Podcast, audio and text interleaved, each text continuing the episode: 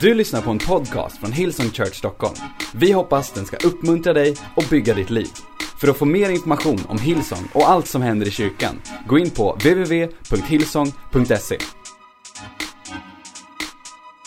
Well, uh, jag har förmånen att predika en stund här idag. Det är uppståndelsesöndagen. Uh, jag antar att man ska predika om uh, stenen som rullades bort och om uh, Jesu uppståndelse. Och vi kommer komma dit, tro mig. Uh, titeln på den här predikan heter Det ser dött ut, men det lever. Och har du någon gång känt att du lever i en lördag? Det fanns en film för länge sedan som hette Måndag hela veckan som handlade om en eh, man som eh, eh, han vaknade och varje morgon så var det måndag. Han levde samma dag om och om igen. Vad menar jag med att leva en lördag? Och när Jesus dog så gjorde han det på en fredag och han uppstod på en söndag. Och lördagen som var mellan korsfästelsen och uppståndelsen var den största dagen av vakuum som någonsin har funnits. Har du någon gång känt att du försöker göra allting rätt men det slutade som en korsfästelse, det blev inte vad du hade tänkt. Och du har inte kommit till söndagen utan du är i lördagen, du är någon slags mittemellan. Och jag är glad att du är med i den här predikan därför att jag har ett ord till dig. Vi ska gå till fjärde Moseboken kapitel 17 som handlar om när Gud talar till Mose och Gud vill utvälja bland de tolv olika stammarna eh, en stav. Häng, häng med på det här. Det står så här, i fjärde Moseboken 17, vers 1. Herren talade till Mose. Han sa, tala till Israels barn och ta av dem en stav för varje stam. Av alla deras stamhövdingar ska du ta tolv stavar och vars och ens namn ska du skriva på hans stav. Arons namn ska du skriva på Levis stav, till huvudmannen för denna stams familjer ska ha en stav. Sedan ska du lägga dem i uppenbarelsetältet framför vittnesbördet där jag möter er, alltså i Guds närvaro. Då ska det ske att den man som jag utväljer, hans stav ska grönska. Så ska jag göra slut på Israels barns knotande, till de knotar ständigt mot er. Mose talade till Israels barn och alla stamhövdingarna gav honom var och en sin stav, tolv stavar. Och Arons stav var med bland deras stavar. Och Mose la stavarna inför Herrens ansikte i vittnesbördets tält. Nästa dag gick Mose in i vittnesbördets tält och se Arons stav för Levits hus grönskade och den hade knoppar och utslagna blommor och mogna mandlar. Och det här är en berättelse om när, när, när Gud säger till Mose att ta en stav från varje stam. Ett stycke trä som är dött. Ett stycke trä som en gång har varit en gren på ett träd och var levande. Som kanske hade löv och som hade andra grenar som växte utifrån det.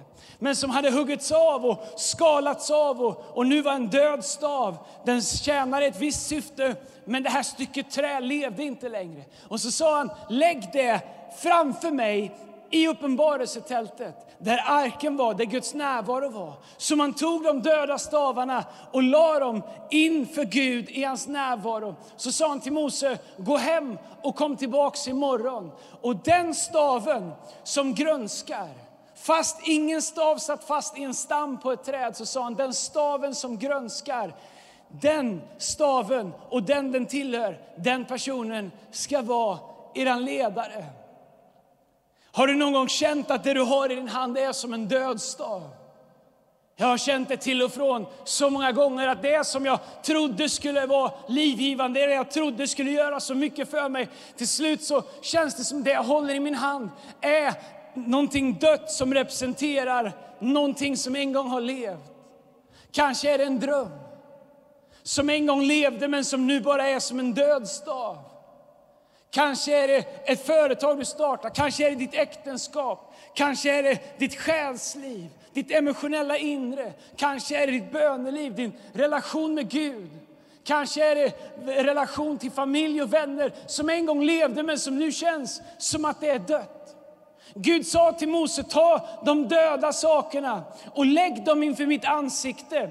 Så i min närhet, i min närvaro, så kommer jag låta det som jag välsignar börja grönska igen.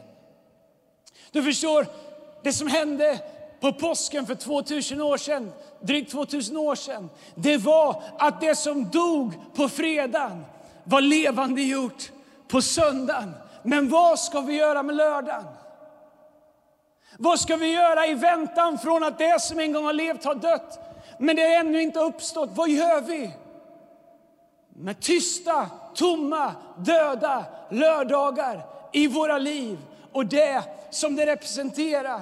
Det som en gång var levande men som nu är dött och som vi inte vet hur vi ska få liv igen.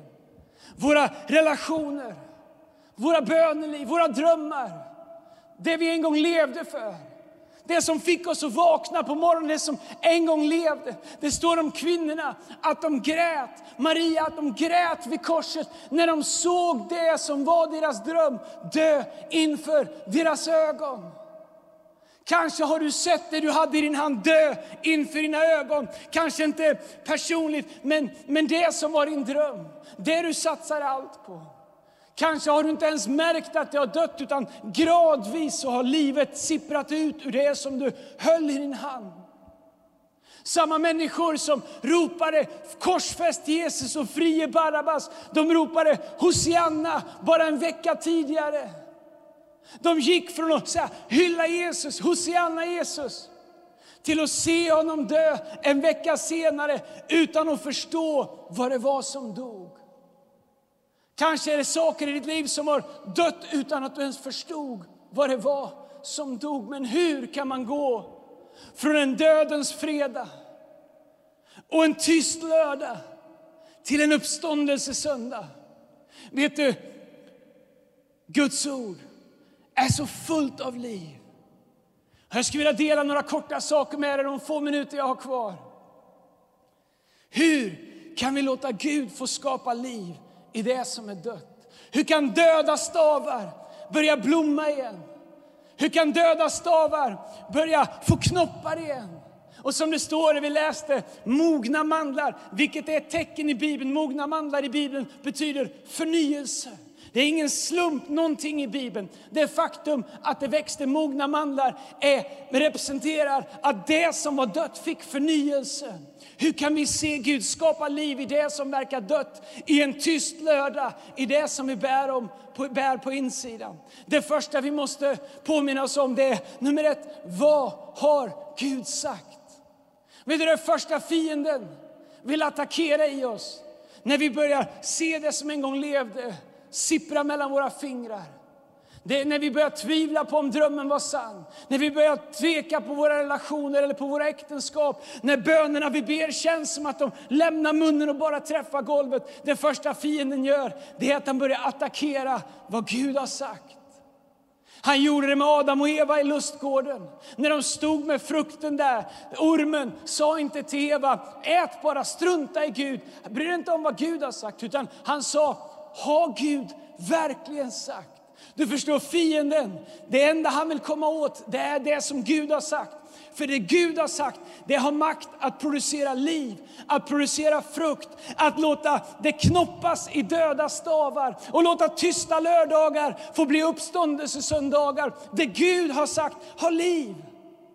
Så fienden vet att om man kan få dig att tveka på vad Gud har sagt, så har han redan vunnit i våra liv. Johannes kapitel 1, Johannes evangelium kapitel 1, vers 1 så står det så här. I begynnelsen, i början var ordet och ordet var hos Gud och ordet var Gud. Ordet står med stort O, det betyder att ordet är Jesus. Så vi kan läsa det. I början var Jesus och Jesus var hos Gud och Jesus var Gud. Du förstår, det Gud säger till dig är inte bara ett ord, det är kopplat till hans son. Och när Gud säger saker i våra liv så behöver vi inte förstå hur det ska gå till.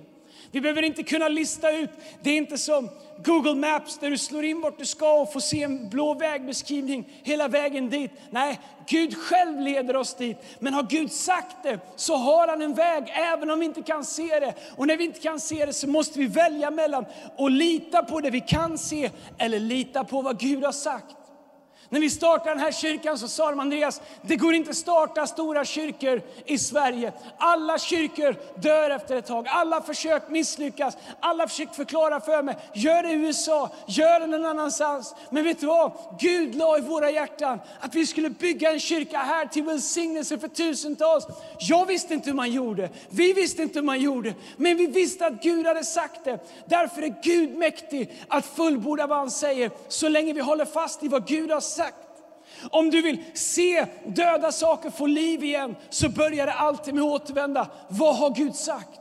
Vad var drömmen du fick när du var ung? Vad var det som Gud en gång sa till dig, kanske i ett möte, kanske i en bibelläsning, kanske i en hälsning? Återta det, återclaima det som ditt, som något som Gud har sagt. Romarbrevet 11 och 29 så står det, för Gud ångrar inte sina gåvor och sin kallelse.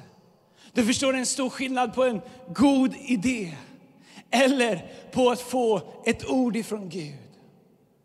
Därför att det Gud säger, det Gud har lagt i våra liv, det kan han inte ångra.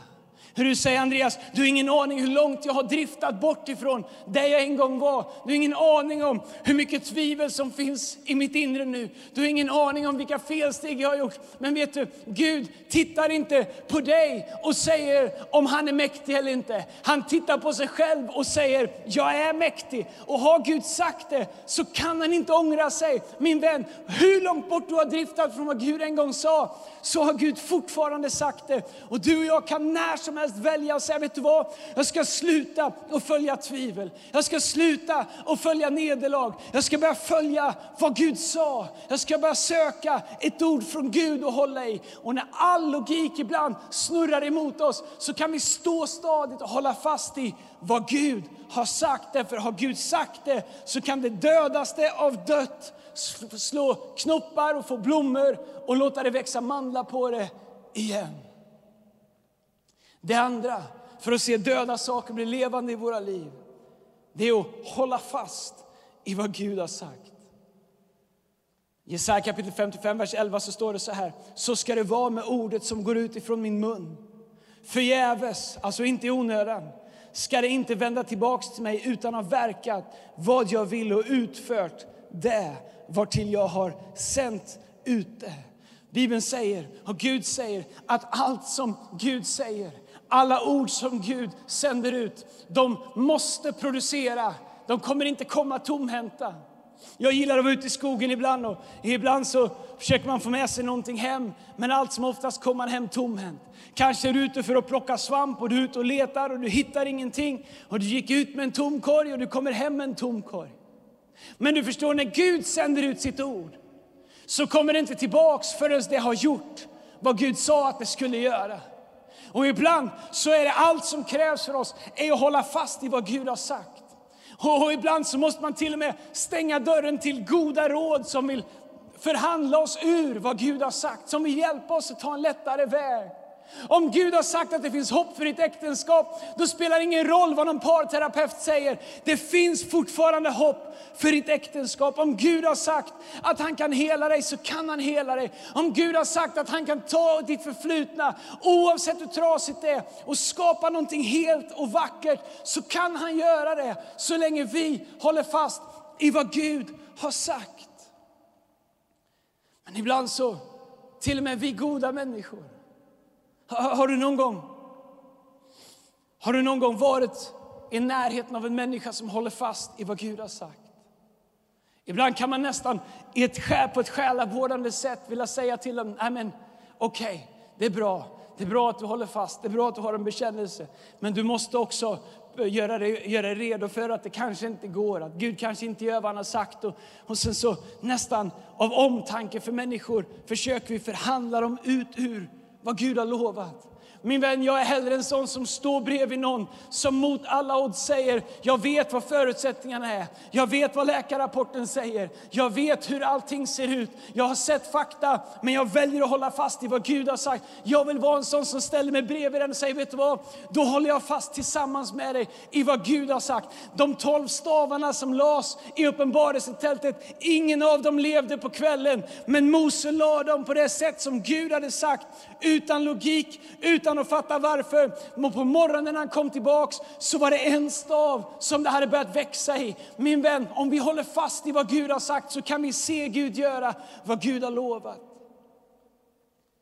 Det tredje om att se döda saker börja leva igen, det är att lita på att Gud tar ansvar för det han säger. Det är inte jag som behöver uppfylla vad Gud har sagt i mitt eget liv.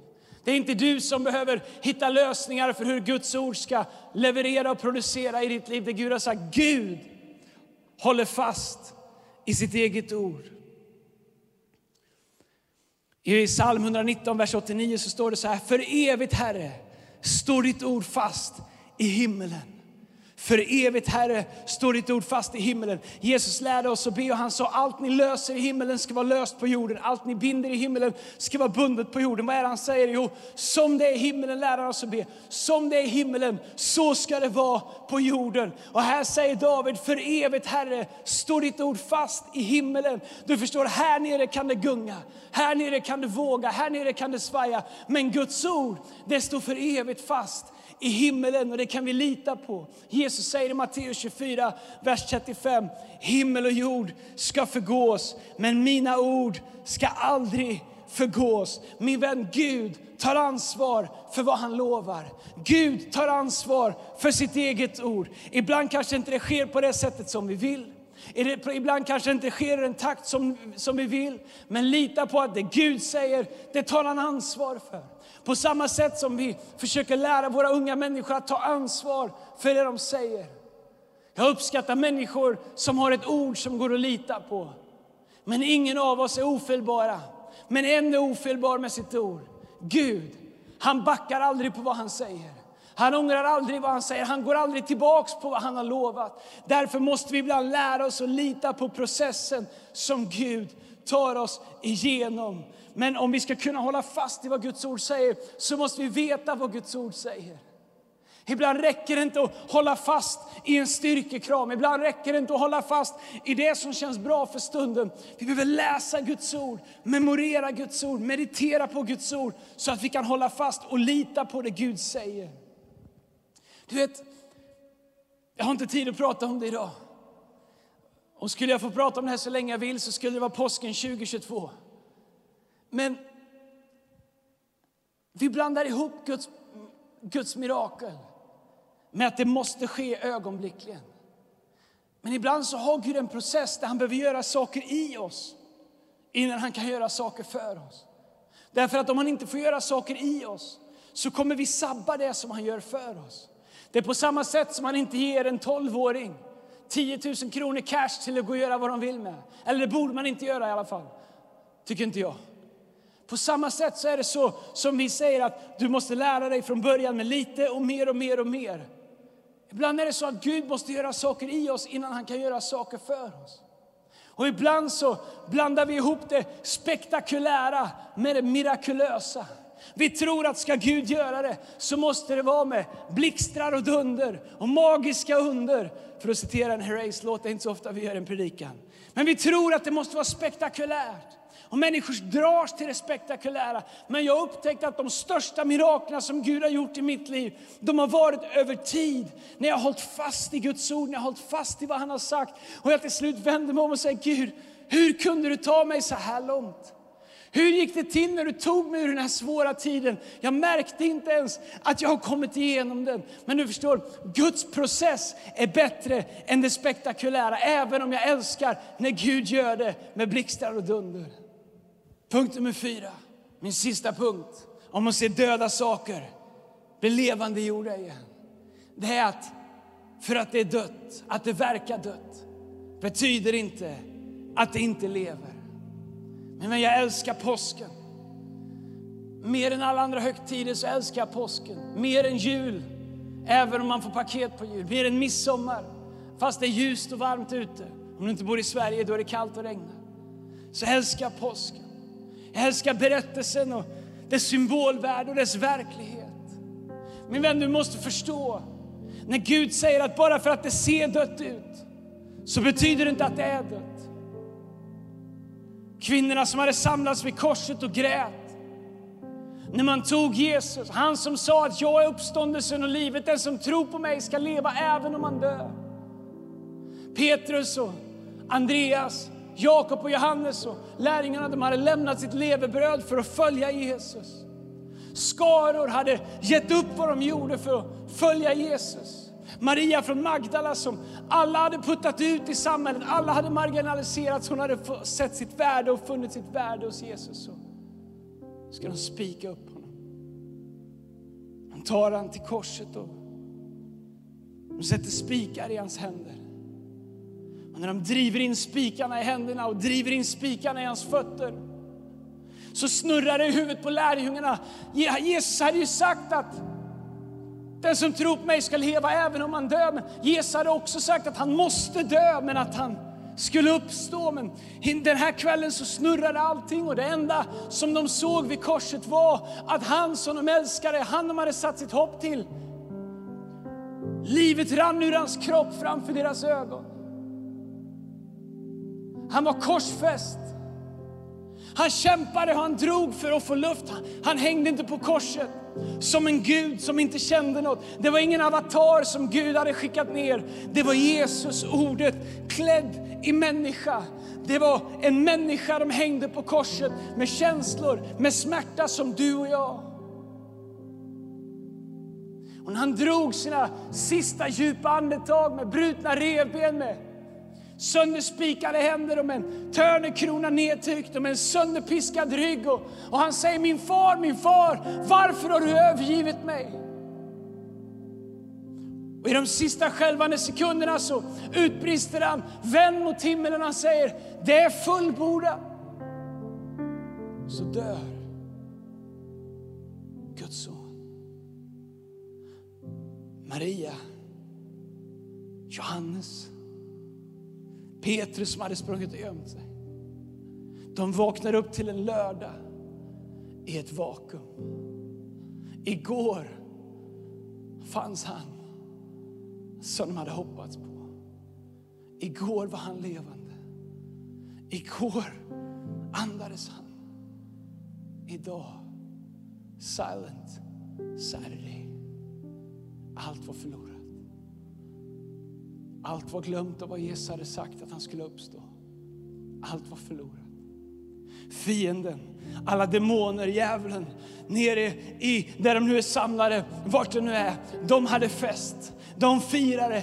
Äntligen hade de kunnat korsfästa och döda Guds son. Nu skulle de kunna släppa lös all ondska över hela jorden. Nu skulle de kunna släppa lös eh, ondska, mord, avund, terror. Nu skulle ondskan kunna spy ut sin ondska över hela mänskligheten. Till slut hade de lurat crowden som sa korsfäst Jesus och få sin vilja. Nu var det människan som var Gud. Nu skulle ondskan släppas lös. Men lärjungarna de sprang och gömde sig för de visste inte vad de skulle göra i vakuumet av en lördag. Det såg ut som allt var över. Men det människor inte kunde se var att Jesus, han var död i sin kropp, men han var levande i sin ande. Han var på väg rakt ner i dödsriket. Och när fienden triumferade och när han firade som mest så sparkade Jesus in dörren, i alla fall i min version. Och han sa, ge mig himmelrikets nycklar. Från och med idag så är all synd bruten, ondska bruten. Han sa, var och en som kommer tro och bekänna mitt namn kommer ha makt över varje varje ondska, varje demon, varje sak som försöker komma emot dem i livet. Och så tog han himmelrikets nycklar, rätten att ge oss nytt liv.